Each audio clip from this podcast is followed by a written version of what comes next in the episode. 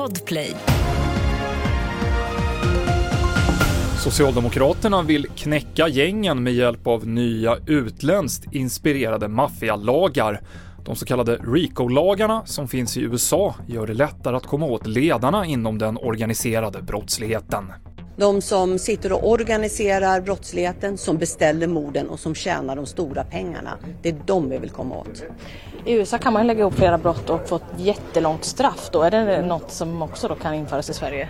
Ja, det är en sak som vi tycker att man ska utreda. Det är alltså motsatsen till straffrabatt. Magdalena Andersson, partiledare för Socialdemokraterna.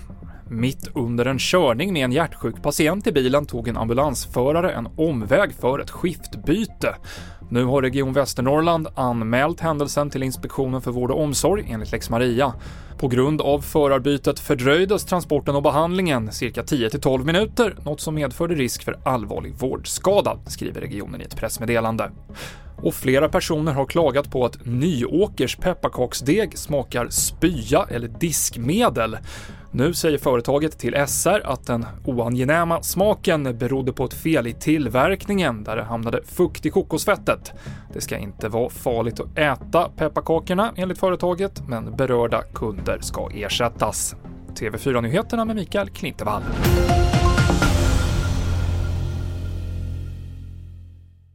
Ett poddtips från Podplay.